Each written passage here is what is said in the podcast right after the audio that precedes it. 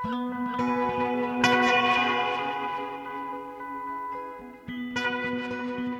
og sæl ágætu hlustendur. Við sjá helsar mánudaginn 13. júni. Ég heiti Halla Harðardóttir. Og ég heiti Jóhannes Ólafsson. Í Víðsjá dagsins, kvennastörf sem byrtast í dansi, dularfull flugferð og rúsneska tálsýnin. Að hlusta á heið mjúka í sér er gríðarlega mikilvægt, svo segir Katrín Gunnarsdóttir, dansari og danshöfundur. Katrín er höfundur öldu innsetningar með hljóði og áttadönsurum sem dansar á mörgum sviðslista og myndlistar. Katrin sækir í sögu líkamlegar vinnu kvenna og skoðar sérstaklega endurteknar hreyfingar og söngva. Katrin hefur tekið virkan þátt í því að móta dansinuna hér í Reykjavík síðustu ár og meðal annars unnað því að byggja upp hreyfitungumál og myndmál þar sem að lástemt mýkt, viðkvæmni og samrunni líkama við umhverju sitt leika leikil hlutverk. Við heimsækjum gerðarsapn og ræðum við Katrin um dansin, mýktina, kvennastörf, MeToo og fleira. Um borð í flugvél. Það er huguleg stemning, lampar og pottaplöntur. Svona hefst lýsingin á sviðsmynd leikritsins Ókýrð eftir Brynju Hjálmstóttur skáld. Leikritið kom út á bók hjá Unu útgáðuhúsi. Þetta er gamanleikur í þremur hlutum og fjallar um dularfulla flugferð, háska í hálóftónum. Það geysar heimsfaraldur, þó ekki COVID, heldur fugglaflensa. Skal hér tekið fram að þetta er skrifað fyrir COVID. Og um borð eru aðeins tveir farþegar, flugstjóri og flugfreyja og flugfreyjan er miðpunktur verksins. Það er ókýrð í lofti í þessu ærsla fulla verki sem fjallar um þrána eftir jafnvægi í óstöðuleikanum, stjórn á eigin tilveru og það að fljúa úr hreðrinu. Við tökumst á loft með Brynju Hjálmstóttur hér í Lókþáttar. Árið 1991 leistist 300 miljóna manna stórveldu upp svo gott sem á einni nóttu. Ný ríki urðu til á gömlum grunni og íbúarnir þegnar þeirra. Þar á meðal rúsneska sambandsríkið sem hafði líst við yfir að þar yrði líðræði og fórsetaræði og nefndi 12. júni sjálfstæðisdag þjóðarinnar.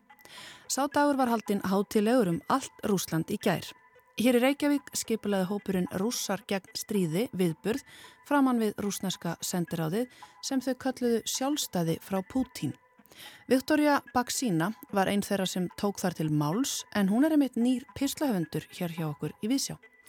Já, Viktoria mun flytja okkur pisla á næstu vikum um sögu Rúslands eftir hrun Sovjetríkina, hugmyndafræði og menningar átök. Í dag mun Viktoria velta fyrir sér sjálfstæði stegi þjóðarinnar 12. júni. En við byrjum á dansi.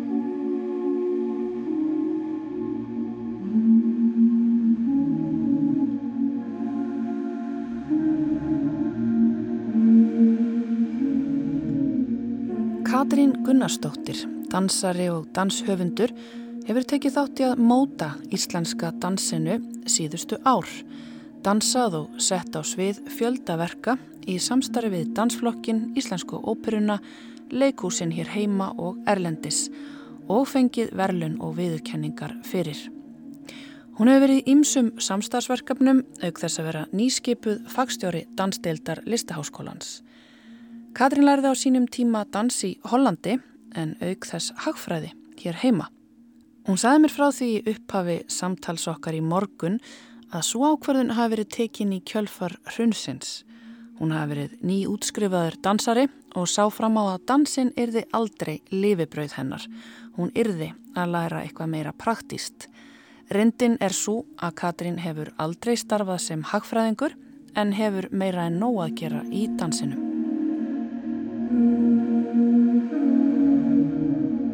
Hér heyrum við hljóðmynd Öldu en það er nýtt dansverk eftir Katrínu sem að dansar á mörgum sviðslista og myndlistar. Alda er flutt af hópi kvendansara þar sem að Katrín sækir í sögu líkamlegar vinnu kvenna og skoðar sérstaklega endurtekna reyfingar og söngva. Í verkinu sem að opnaði um liðna helgi í gerðarsafni í Kópavogi byrtist samstarf Katrínar við Efu Signi Berger, hönnuð og Baldvin Þór Magnússon hljóðhönnuð og úr verður einhvers konar innsetning sem að fléttar saman ímis listform. Ég uppliði verkið sem kannski lifandi skúldur en eins og Katrín bendir á þá upplifur auðvitað hver og einn verkið á sinn hátt.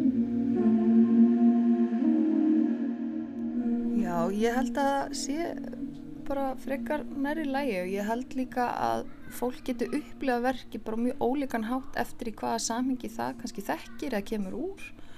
Og uh, það kannski saman að segja um okkur sem erum að koma að síningunni, ég sjálf sem dansöndur og svo Eva Signý Berger uh, hönnuður og, og Baldvin Þór Magnússon uh, hljónhönnuður og tónskáld að þá erum við einhvern veginn, já alls svolítið að koma með okkar vinnu sem við hefum kannski gert í leikúsunum mjög lengi en setjum það svona í kannski nýtt samhengi hér í safninu og þá aðalega þess að svona nýju viddeila sem er að við getum allt í unni með svo langan tíma mm -hmm. sem að það er ekki hægt að gera á sviði. Það er það sem að er kannski það sem að okkur fundist verið svona, já, mest spennandi við þetta að, að hugsa um bara, já, hvernig er að prófa að gera dansverk sem tekur ekki bara eina kvöldstund, heldur tekur uh, kannski þrjá mánuði. Mm -hmm. Þú ert auðvitað þölvun að flytja eða, eða setja fram dans á sviði og í samstarið mitt við e, Eversigni. Um, en eins og þú segir, hér er þetta að vinna meira með tíman og, og auðvitað þennan sál og það eru auðvitað allt önnur upplifun bæði fyrir áhörfandan, kannski meira krefjandi, ég veit það ekki og auðvitað líka fyrir dansarana mm -hmm. Áhörfandi nálgast á fram og tilbaka, þeir eru í sínu rými á baku þess að gegnsæju eða hálgegnsæju tjöld en samt ekki mm.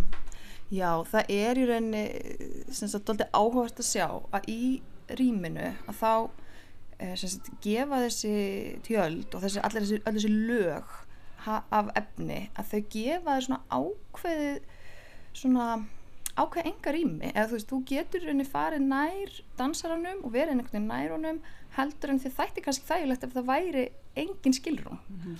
og uh, það fannst okkur svolítið svona, já, vorum að prófa þetta mikið í, í stúdíónu og þetta var ótrúlega svona sterk upplegð með það og ég hef alveg heyrta frá fólki sem hefur líka núna komið að sjá að það, það vill helst búa til smá svona fjarlæð millir sín og performances mm -hmm.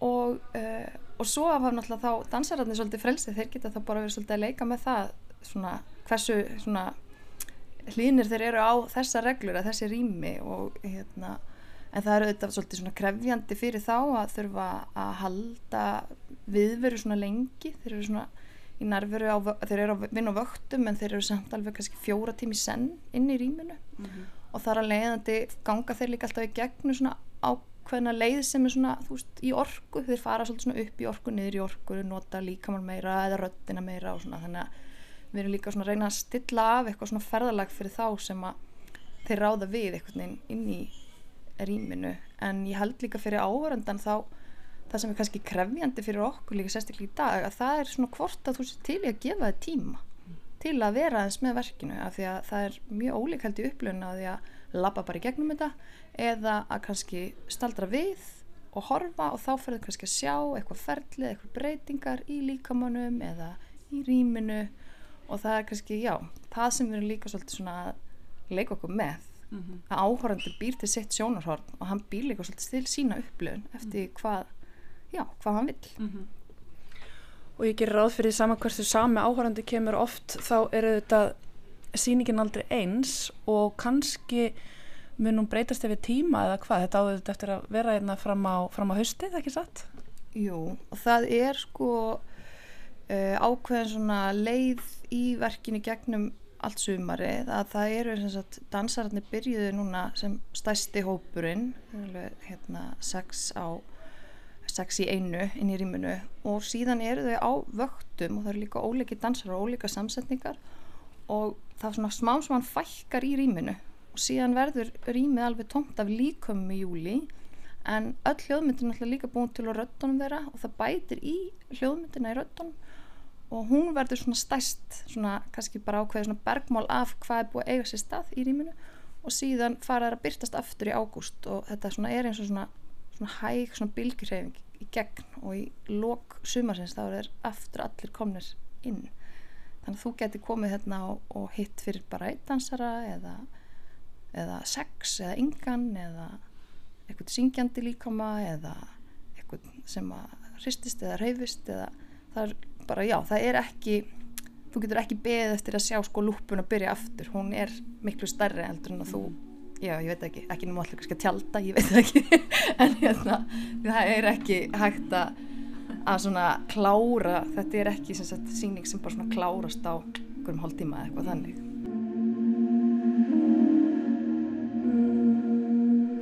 Segðu mér hans frá þessum titli. Alda Já, það er svona bara margt. Í rauninni þá voru við svona, já, maður svona svolítið að spá í mitt í þessu reyðformi sérstaklega. Það kannski svona kom til mér fyrst af því að hvernig svona öldugangurinn og aldan hvernig, þú veist þetta er svona reyfing sem bæði er einföld og flókin og einhvern veginn síbreytileg uh, samt alltaf eins og ákveðin svona taktur líka bara í sjáföllunum og svo, þú veist, vísar þetta líka svolítið svona fallega í tíman, þú veist, í fortíðina í svona lengra tímaskín en við erum með og það var veginn svona þaðan sem þessi titill kom og hann kannski fór líka að hafa eitthvað áhrif á verki, sem þetta gerst það líka þegar svona titillin er komin, þá fer hann líka svona þess að að hérna að hafa áhrif á hvað maður gerir En hérna við tölum aðeins um bara sjálfan dansinn og þessara dansreyfingar og, og hvernig þú vinnur með dansörunum. Hvað getur þú sagt mér aðeins frá þessu ferli og það virðist vera svona mikið um svona endurtekna reyfingar og upplöfunir sko það eru bæði dansarar að dansa sjálfur og það eru dansa líka saman. Hvernig, hvernig hugsaður þetta? Um, þetta er í rauninni ákveðið framhald á bara því sem ég hef verið að byggja upp síðustu ár sem er svona ákveðin uh, ákveð reyfitungumál og það er svolítið tekið úr einmitt þessum svona kannski umbreytingaferlum eins og til dæmis það að uh, endur taka en svona smá breyta reyfingu lengi lengi yfir tíma þannig að það verður svona ákveð breytingaferli og, uh, og síðan að, að leita alls konar svona sem ég er búin að vinna mikið með dansum núna er að leita alls konar aðferðum sem virkilega reyna á hlustun og alls konar svona hlustunar yfkun, eiginlega svona, að, að æfa sig í hlustun. Og þar að leiðandi er það til dæmis dansefni þar sem að dansararnir þurfa að hlusta mikið á rýmið hvors annars, svona persónulega rýmið og vinna svona mjög nálagt án þess að snertast, er rauninni þeir snertast sjaldan í síningunni, það er eiginlega bara í svona einni pásu sem þeir fá að gera það. Annars halda þeir alltaf svona ákveðinu, ákveðinu fjallað, svolítið svona eins og áhrendin gerir með tjöldunum. Og uh, þá erum við líka að skoða það að þurfa að, uh, að vera samtaka að, um, að búa til eitthvað svona, svona mm, bergmál af hreyfingum og svona, já, allskinn svona aðferði sem að reyna mikið á þessa hlustun. Og það er svona það sem að já, við erum að, að hérna, taka þær aðferðir upp úr, úr dansinum. En síðan er uh, svona innblasturinn að hreyfefnu er líka frá því sem að ég myndi kalla svolítið erfitt að finna orða á íslensku það sem svona kallast svona care work. Sagt, alls konar hlutir sem við gerum sem hafa verið oftur svona talin vera kvennastörf sem er eins og að þú veist, syngja eitthvað í svepp að klæða að uh, þrýfa alls konar svona líkamlega bara svona handavinna alls konar endurtekningar í, veist, í textíl og í bara þú veist alls konar þannig efni og þetta er í rauninni líka þessi svona vinnusöngvapæling sem kom svolítið inn í þetta verkefni að hvernig dansararnir eru oft að svona humma og raula meðan þeir eru að reyfa sig sem er svona það sem að e, já við höfum svona hefðir um hérna á Norrlandunum og, og náttúrulega víðar að, mm. að stýtta sér stundir í rauninni með því að syngja Ymmitt og þessi störf, eh, tölum við ekki oftast bara um umönnunar störf? Jú, allir það sé ekki svona uh, íslenska orðið uh, en mér finnst bara svona falleira upp á ennskuna að, að, svona, að það sé svona ákveðin mér finnst svona næmni í því sem, sem að hérna, er eitthvað sem að já, við erum líka svolítið að reyna að vinna með uh, á sama tíma svona næmni og bara svona ákveðina mýkt og viðkvæmni í öllu svona efni en út af þessum tímaskala að þá er þetta líka óbáslega krefjandi og mikil svona, ég held að sumi dansarinn svolítið tala um bara svona seglu mm.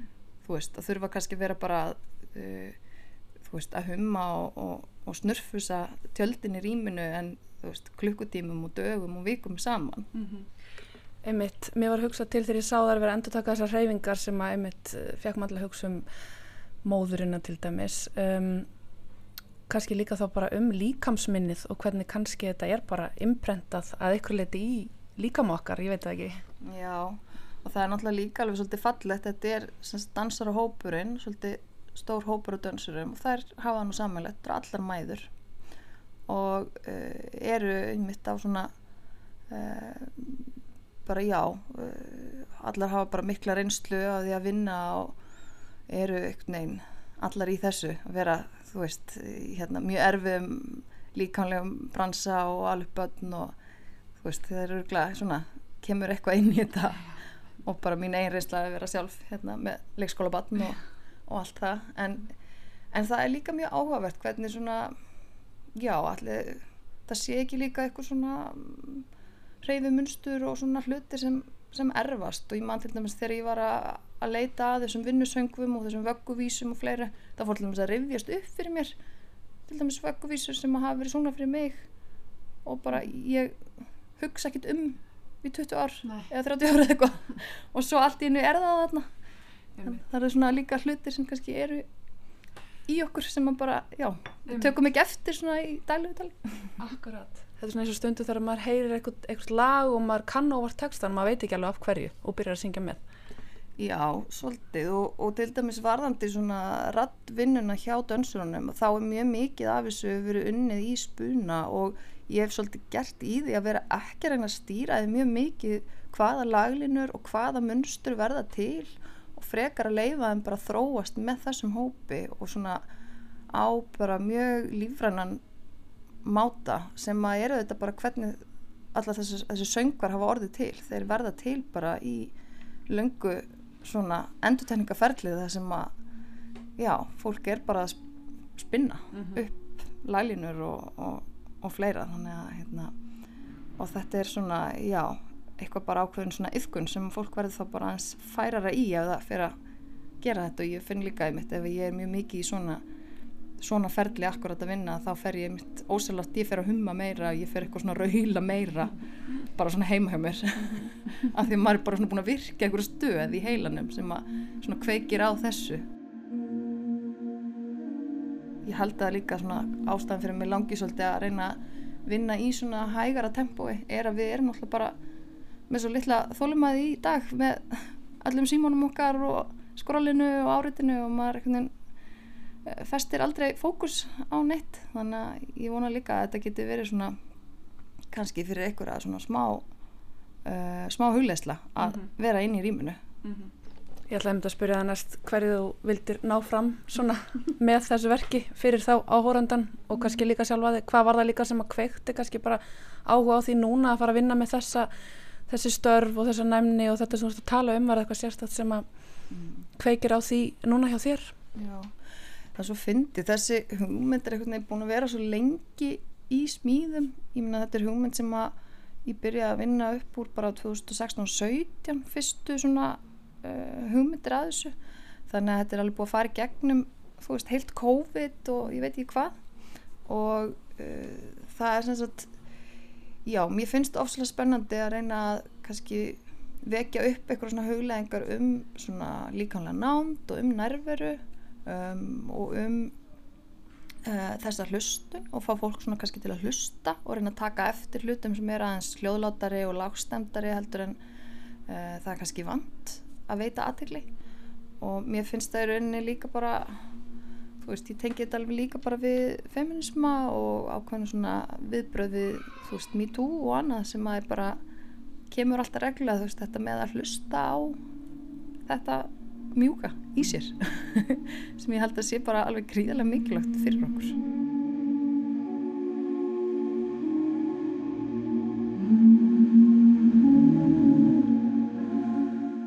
Að hlusta á heið mjúka í sér, það er gríðarlega mikilvægt, segir Katrín Gunnarsdóttir, dansari og danshöfundur. Og við tökum bara undir það, ekki satt jói? Heldur betur, við reynum að taka svona glukkutíma eða tvo hér í Víðsjá í slíkar hugsanir Já, alla daga. Mm -hmm.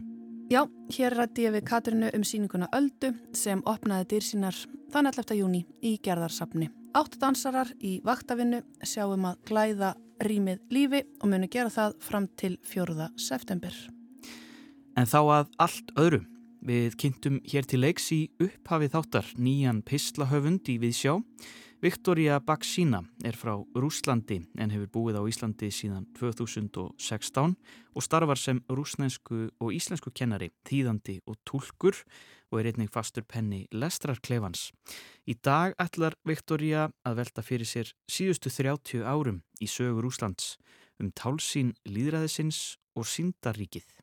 Í ger var mjög skritin dagur, svo kallaður dagur Rúslands. Maður spyr fólk á götunni hverju það fagnar 12. júni, þá munum flestir eiga erfitt með að svara þessu. Samkvæmt skoðnakunnum séðs líðin áratug gæt aðeins helmingur rúsa nafngrein þessa háti rétt. Varla mun okkur muna eftir því að árið 1990 samþykti eitthvert óskiljanlegt varaþing fólksins yfirlýsinguna um fullveldi ríkisins og ári síðar voru haldnar fórsetakostningar þar sem Boris Jeltsin, svo óelskaður í dag, sigraði. Allt þetta gerðist fyrir löngu síðan í hortna landi og Rúsland var bara syndaríki sem fári tóku alvarlega. Síðan þá hefur dagur Rúslands ekki öllast hold, merkingu eða ástfolks en hefur haldi bragði af syndarmennsku. Það eru til alvöru æfagamlir fríðagar, til dæmis nýr árstagur eða páskar eða 9. mæ. Sigurdagur er aðelfríðagur Rúslands Pútins þar sem Sigur hefur orðið opinber hugmyndafræði. Þetta er dagur raunverulegra stopnuna ríkisins sem á þeirri stundu stóð á hádindi geopolitisks mikill leikasins og var kallað öðru nafni, Sovjetríkin og í þessu fælst þversögnin. Í skugga hinn að látnu Sovjetríkjana var Úsland munadarlaust barn, fann ekki sinn einn frídag. Ætti ekki að telja að hinn uppdíktaði dagur þjóðareiningar, 4. november, væri einn slíkur. Dagur sem politískir stjórnmálafræðingar byggu til í skyndi til að vísa á bug hrókafullum pólverjum og pólitískum áhrifum þeirra á rúsneska ríkið á 16. og 17. öld og til að leggja áherslu á andvestræna kjarnar Rúslands. Sovjetríkin reyndust tákræð mikilvægari en Rúsland nútímans. Jafnvel hinn óhefna amma Anna Ivanovna nálaði Harkiv í Úkrænu sem var vegsömuð af rúsneskum áróðri kom út til að mæta hermunum með rauðan sovískan fána. Sovjetríkinn hættu að vera til 25. desember 1991. 14 ný ríki mynduðust á fýrum yfir ráðasvæði þeirra. En 15. ríkið, Rúsland, var ekki nýtt. Rúsar töldu sig arftaka Sovjetríkina, arftaka heimsveldisins og voru sem slíkir flugt viðurkendir af alþjóðu samfélaginu sem vildi mest af öllu forðast átök um aftaka Sovjetríkina og kjarnavopna búnað. Í kjólfarið myndadist mótsakna kent staða. Landið sem gegni afgerandi hlutverki í eitileikingu Sovjetríkina varð aftaki þeirra af sjálfstáðum. Líðveldin sem að mestu gegnu auka hlutverki í hruni Sovjetríkjana fengu sógulegt tækifari til að stopna ný sjálfstæðið ríki sem þau nýttu sér. Rúsland hefur svift sig þessu tækifari.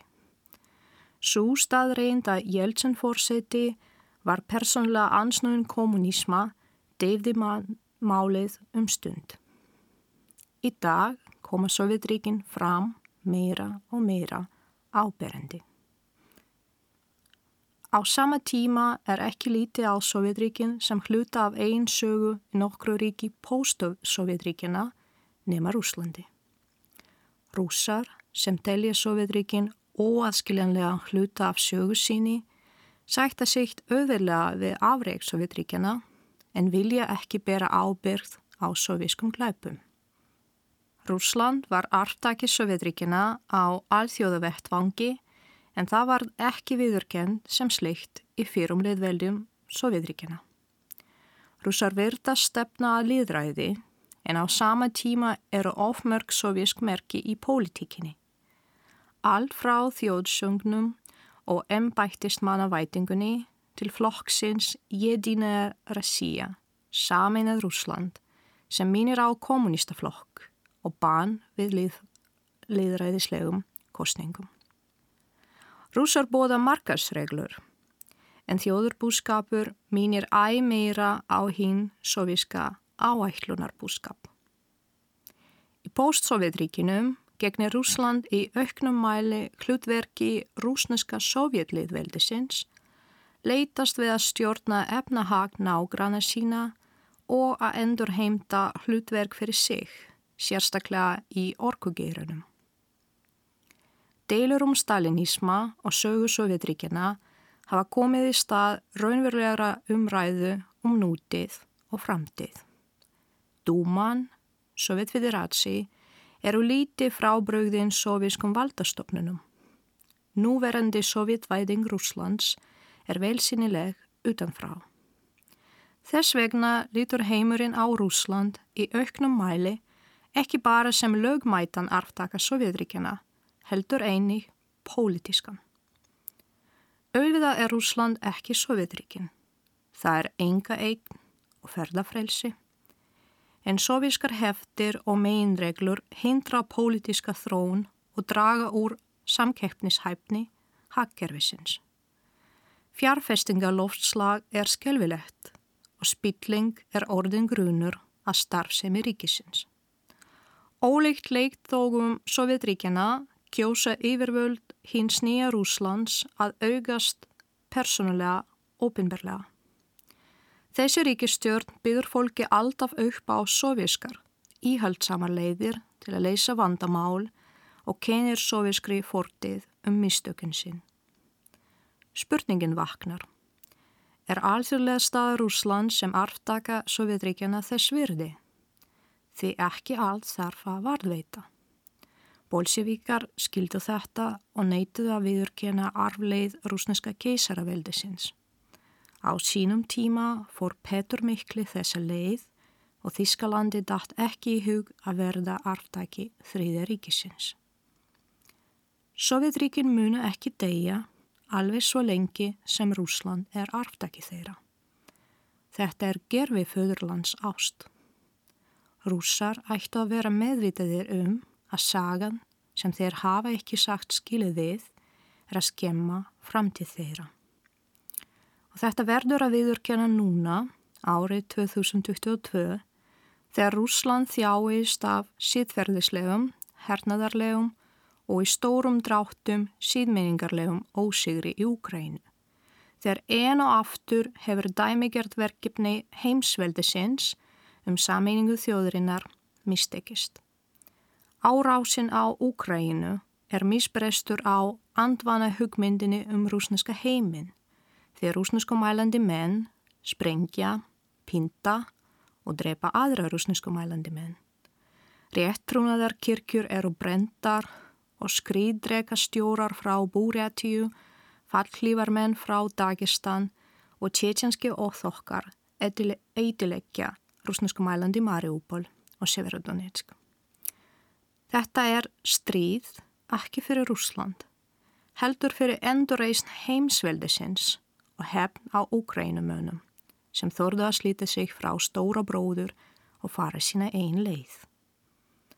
Artakar Sovjetríkjana þekka ekki landamærin sín og þjóta úr einu í annað, formlausir. Rúsland misti heimsveldi sitt en varð aldrei þjóðríki. Þess vegna er 12. júni í Rúslandi sorgardagur, vaka fyrir fallna þjóð. Rúsar hafa ekki enn ímynda sig sem sjálfstækt land. Rúsar þurfa nú að upplýfa sársauka fullan ósigur í Úkrænu til að losna við metna keisaraveldisins hróka stólveldisins, getflækju stóra bróðurins, almennt við blekkingar bræðarlags við hver sem er, við Úkrænu, Kvítarúsland, við Rúsa í útlöndum. Rúsland verður að drepa sitt innra heimsveldi til að byggja upp sitt eigi þjóðriki á borgaralegum, mannlegum og maðurlegum fórsendum. Og dagur Rúslands er gott til efni til að hugsa um þessa óþektu en óumflíðanlegu framtíð. Viktoria Baksína flutti hér sinn fyrsta pistil af fimm um sögur Úslands eftir hrun Sávitrikjana, hugmyndafræði og menningar átök. En þá snúum við okkur að leiklistinni og tökumst á loft.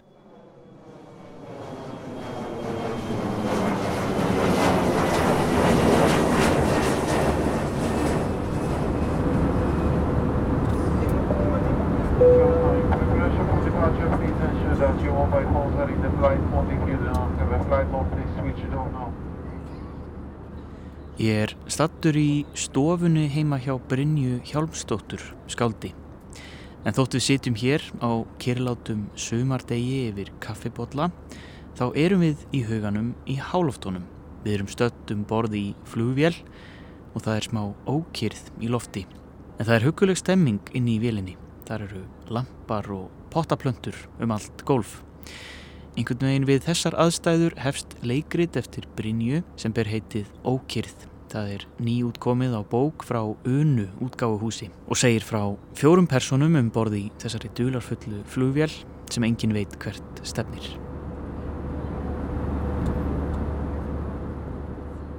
Brynja, takk fyrir að taka móti mér. Uh, sko, þú ert uh, munþæktari fyrir að gefa út ljóðabækur Já. og uh, ert núna handhafi ljóðstafs Jóns úr vör. Um, ég kannski bara nýti tækifæri og segja til hamingjum með það. Já, þakka fyrir. En, uh, en þetta er það nýjasta frá þér og kyrð en ég veit til þess að þetta sé samt ekki það sem ert nýlega búin að skrifa. Er það ekki rétt hjá mér? Þetta er, þetta er svona búið að liggja einhver staðar í smá tíma. Já, það hefur gert það nefnilega og þetta er svona, þetta er raun og veru, ég skrifaði það í raun og veru áður en ég skrifaði fyrstu bókina sem kom út, Ókfrumuna, sem kemur út 2019. En Já. ég skrifaði þetta meira svona á, þá 2017, 18. Já.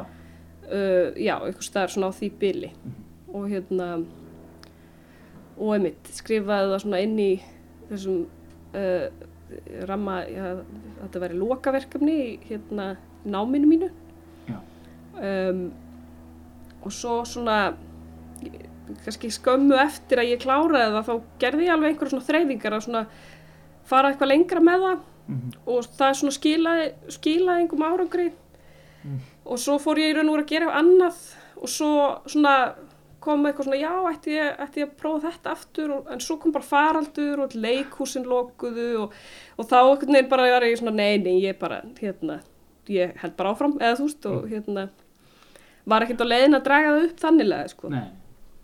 Sko ég mun örgulega spyrja þig kannski nánar út í svona leikhús og leikrita formið en, en um, ég spyrja kannski bara fyrst er, var einhver sérstök ástæði fyrir því að þið langaði að prófa leikrita formið? Var, var það nýtt fyrir þér eða hvernig, hvernig ákast að, að skrifa leikrit frekar en ljóð eða, eða prósa eða eitthvað annað?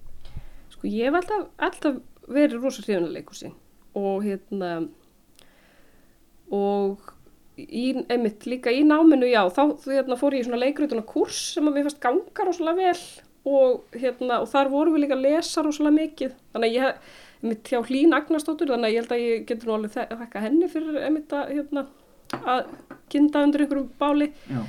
og hérna uh, já, mér fannst þetta bara alveg strax mjög spennandi að skrifa, skrifa leikteksta sko. og svo er kannski samtöl bara finnst mér einhvern veginn heillandi hérna. Form eða miðl eða hvað við viljum kalla það. En þú segir svo skall á heimsfaraldur uh, sem gerði, gerði vissulega. Um, og þetta verk gerist í fugglaflensu faraldri. Kannski bara byrð þig um að staðsetja aðeins hvar gerist þessi saga og, og, og um hvað er hún? Já, þetta er sagt, já, verkið heitir Ókýrð og það gerist í umborðið flugvel og það gerist um, á tímum þar sem faraldur geysar. Uh, það er alls ekki ekkert aðalatrið í verkinu, það er og veru eitthvað sem ég setti inn sem kannski eitthvað svona afsökun fyrir því að það væri fáir farþegar í vélinni að því að ég ætlaði aldrei að skrifa verk fyrir marga personur en mm. mér var mjög andum að gerast í flugvel þannig að mér vant að það eru nú kannski bara eitthvað svona kopp átt, eitthvað afsökun fyrir því yeah. að, hérna, og, og svo fannst mér það að vera svona skemmtilega surrealísk pæling og svo náttúrulega hætti það að vera surrealist og var bara eitthvað raunsætt sem er ótrúlegt. En hérna en já, en eins og ég segi, það er alls ekki sko, það er svo sem ekkert aðalatrið í verkinu mm. sjálfu, það fjalla bara um personar í verkinu mm. og, og fjalla kannski einmitt um stefnu, stefnur í, í loftinu og í lífinu, eitthvað svo leiðis Já, akkurat. Við vitum aldrei hvert er stemt í rauninni, hvert flugvelin er að stefna. Nei, það kemur ekki, ekki skýrt fram, nei um, Personur í verkinu, þetta eru fjórar fjóra personur, það er flugstjórin, Svanhildur uh, og Svankvít flugfyrir og það er, er maður mm -hmm. uh, og svo er Gaugur sem er tillaður Spámaður og Kríja sem er ráðgjafi uh, Gaugur og Kríja er sérst farþegarnir Já.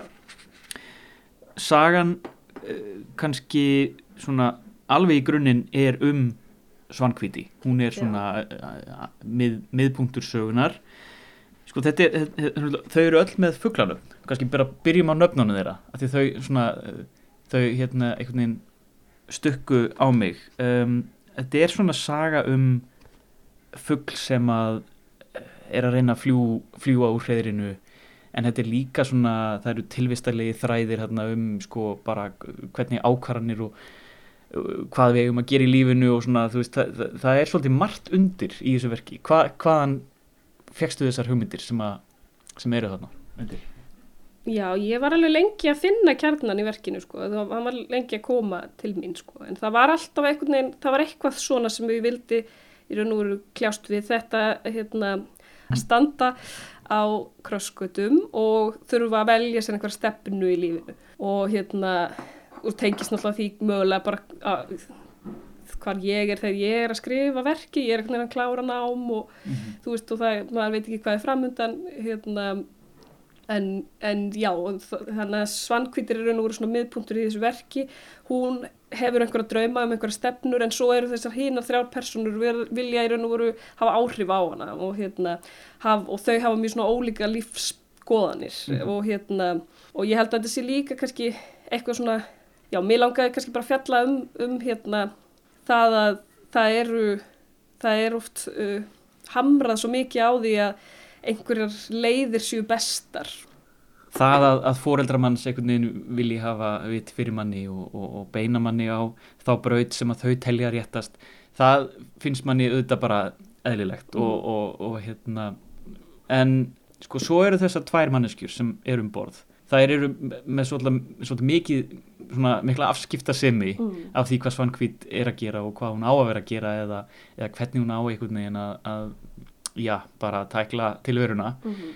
um, sko þær eru mjög ólíkar Kría og, og Gaugur mm -hmm. Gaugur er svona einhvers konar já, svona, svona jóka týpa, svona svolítið homopatíu svona -hmm. sinni uh, á meðan uh, Kría er svona einhvers konar svona markþjálfi, svolítið svona uh, rögg rögg higgjukona mm -hmm. um, hvaðan eru þessar personur? Er þetta, þekkir þessar manneskjur? Já, ég held að við þekkjum all eitthvað svona manneskjur og ég held að þetta sé bara svona eitthvað sem eru umhverfinu þetta er ekki, er kannski einhver skýrar hreinar og klárar fyrirmyndir mm. en, en nefnitt, það er náttúrulega kannski bara meiningina vissulega að þetta séu mjög svona andstæði pólar og þau eru algjörlega svona og öndurum með því og, hérna, og það er náttúrulega líka bara til að skapa spennu en kannski ekki síst líka mm. svona húmor uh, því að mm. ég held að það séu kannski svona skemmtilegustu partarnir í, í verkinu sko, það sem þau eru svona að svona kljást svolítið mm.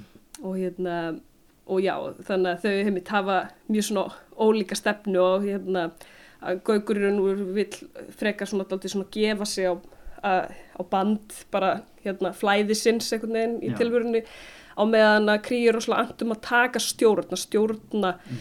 öllu og taka óafinnulegar ákvarðanir, hún tala mikið um það og, hérna, okay. og að það sé aldrei neitt í raun og veru sem er einhvern veginn vafa atriði, enga tilviljanir að taka fullkomna stjórn á öllu.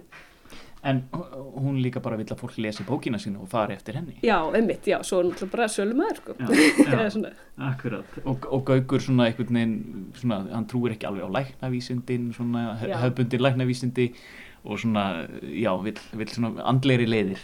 Já, en síðan er það svona kannski líka stóra máli að þau í raun og veru hérna, gefa svo út fyrir að vera hjálpa en síðan eru þau náttúrulega hafa kannski bæði tvö einhvers konar svona líka einhver önnur markmið í huga eða svona mm. eru líka að hugsa um sjálfsýð bara Vinsælega setjum við sætismættir spenntar við stjórnum við sætismættar ljósum og við byrjum við fram að fara um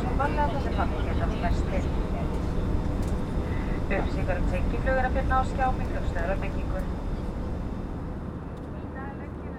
En svo er náttúrulega bara það að sitja í flugvél ef ég tala fyrir sjálf mig, þá finnst það hellast alltaf yfir mér eitthvað svona tilvistalegar pælingar sem að ég fann svolítið fyrir í þessu verki svona, svona existentialískar uh, svona tákmyndir svolítið. Um, að sitja í flugvel er einhvern veginn maður er, er svo aðþrengt og maður er samt innan um svo marga og maður, maður fyllist einhverjum svona það er hálf surrealist að vera í flugvel Mér finnst það alltaf að vera mjög svona mögnuð upplifun og ég er svona að tala oft um svona, um, svona ljóðrænar upplifanir svona sem skáld sko, eitthvað sem maður kannski ekki eitthvað sem maður situr alveg í ljóð en er stundum eins og svona ljóð að upplifa að hérna, það er svo ótrúlega óvenjulegt að vera í flugvél af því að þú ert alltaf og, og bara kannski á flugvelli líka og hérna Já, þetta er svona svo framandi umhverfi og, og hérna og mér finnst það oft svona einmitt, kannski ef maður setur þetta á í þessar þess tilvistalögu pælingar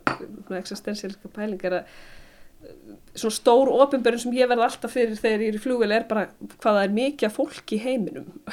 Og hérna ég bara hér er allt þetta fólk og hér er ég líka. Mhm. eitthvað, eitthvað svona ég, já, kannski er þetta banal, ég veit ekki en mér finnst það alltaf ansið magna að vera í flugvel sko, og hérna svona flugsamgöngur og allt, allt svona seremónian í kring sko. mm. og þannig að það var alveg svona mjög snemma eitthvað sem ég langaði til þess að skrifum og það, það, ég vissi nú svona þetta er þessi eitthvað hérna, lendingin í því en, en, hérna, en já, það, það er allavega mikið efni við í, í, já, í þessu sko mm. flug seremóniunni Það flugvelar, uh, skip og svona einangruð faratæki er náttúrulega svolítið svona myndlíking eða svona kannski einhver svona þverskurður af samfélaginu um, það, er, það er stemt í einhverja átt og svona og, en þannig er þetta bara búin að sjóða þetta niður í sko tvær manneskjur já, já. sem farþegar og svo, og svo náttúrulega flugfræðan og, og flugstjórin já. en þessi flugstjóri uh, Svanhildur, tölum aðeins með hana hún svona, við getum sagt hún farið svolítið frjálslega með það að stýra þessari flugvil, hún er ekkert alltaf í, í hérna stjórn klefanum Nei, ég mitt sko og það er svona, já. Þó hún vilja hafa svolítið stjórn á öðrum? Já, vissulega sko og það er svona hérna uh, í raun og veru kannski eitthvað svona sem að kemur uh, atbyrðar á sinni í, í verkinu á stað er einmitt að hérna Svankvít sem er, já, flugfræðan hún svona tekur fram fyrir hendur móðusinnar flugstjórnans og og ætlar að stjórna flugvelinni sjálf. Hún hefur kannski ekki alla burði til þess og, og svo eru bilanir og, og, hérna, og dramatík, þetta er mjög dramatist stekki, mikil ókýrð í lofti og allt svo leiðis og hérna, en já, en hérna já, Svankvít hefur mikla svona meiningar um hvað þú þart að hafa til brunns að bera til þess að geta stjórnað flugvel en, en síðan nefnitt getur maður alveg leifst sér að efast að hún hafi alla líka burði til þess sjálf eða svona. Mm.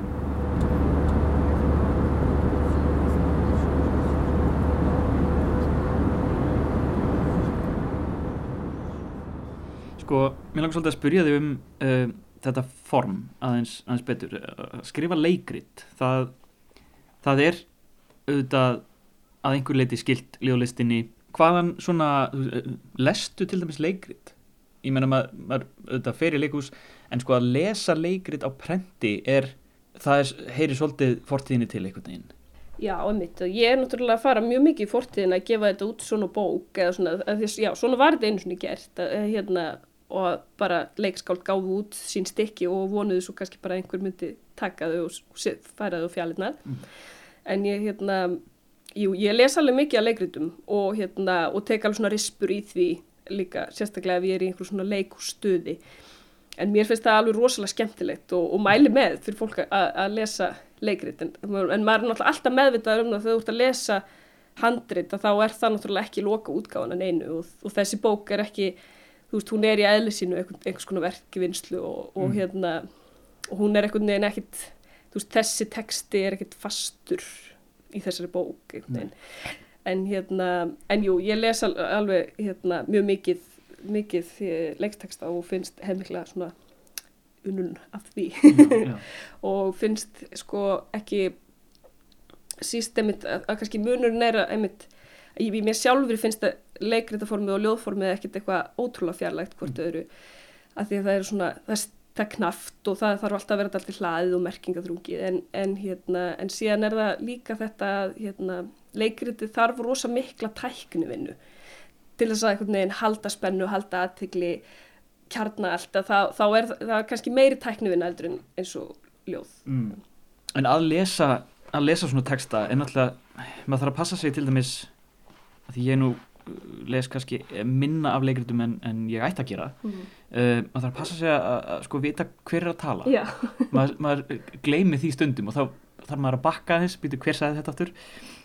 Og það eru sviðslýsingar Mhm. alveg mjög reglulega það sem er sagt hvað, hvað er að gerast svona, hvernig, hvernig fólk er að um, hvernig svipriðin eru eða, eða er að gera einhverja handarhefingu eða eitthvað. Um, þetta má ekki fara fram hjá manni nei, nei, en já, ég veit ekki. Kannski má það bara fara frá frambjöfumni. hérna, en þú veist, ef maður er að lesa skáldsögu þá þá getur maður ekki bara að lesa samtölin nei, nei, vissulega. En jú, við, maður þarf náttúrulega að halda einhverjum takti í þessu og, Mhm. og svo þarf ég náttúrulega kannski að standa mig líka í að reyna svona að aðgreina einhver tón í hérna persónunum þannig að maður sé kannski ekki alveg út á þekju hver er að tala hverju sinni Já. eða svona. En, en jú, jú, þetta er hérna, þetta er öðrum sér kannski taktur, lestartaktur eða svona, já. Og svo er oft uh, allan oftar en einu sinni tekið fram bara og svo framvegis og opið til spuna Já, já, það verður að vera alltaf rýmið fyrir það, sko. Já. Ég er, ekki svona, ég er ekki svona bekkett ljóðskáld, sko. Ég er ekkit svona, að að ég hef ekkit, mér finnst ég ekki vita best í mörgum hlutum varandi leikhús. Mér finnst ég ekki vita best um hvernig maður er að framkvæma sviðsmynd eða nákvæmlega hvernig leikar er að hægða sér eða reyfa sig eða gera hvað. Þannig að ég svona reyni að hafa svona lýsingar, í raun og veru bara svona praktiska lýsingar og hafa ekkit rosa mikla stjórn á öllu, sko. Eða svona. Og svo er mér bara líka, ef einhver telur sér við þetta betur, þá er það bara fínlega.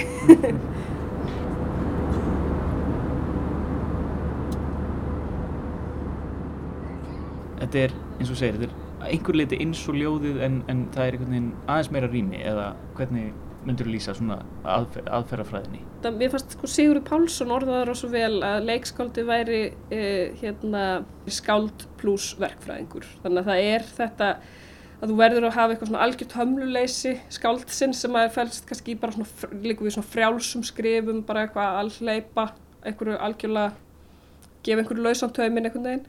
Uh, en síðan verður alltaf að draga tilbaka og ég held að svona einmitt leikrit jafnvel meira en mörg önnur form krefjast rosa mikið sko, hérna, endurskrif eru mjög svona endurskrif og, og klippa út og taka út sem hann líka getur síðan gerst í æfingaferli og allt svoleiðis. Já, ég, þetta er, ég held að, að leikritaformið þarf þarf oft hérna mikla, mikla svona eitthvað svona verkfræði vinnu líka eða svona í bland við eitthvað hömluleysi Ég held að sé bara við þetta á, á Sigurði Pálssoni Brynni Hjálmsdóttir, takk hjálpa fyrir spjallið og til hamingi aftur með ókýrð Bestu þekkir, takk fyrir komuna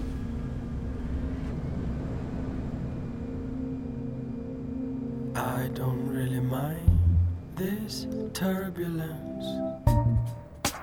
I'm a frequent flyer. I close my eyes and I can feel the earth pulling down on me.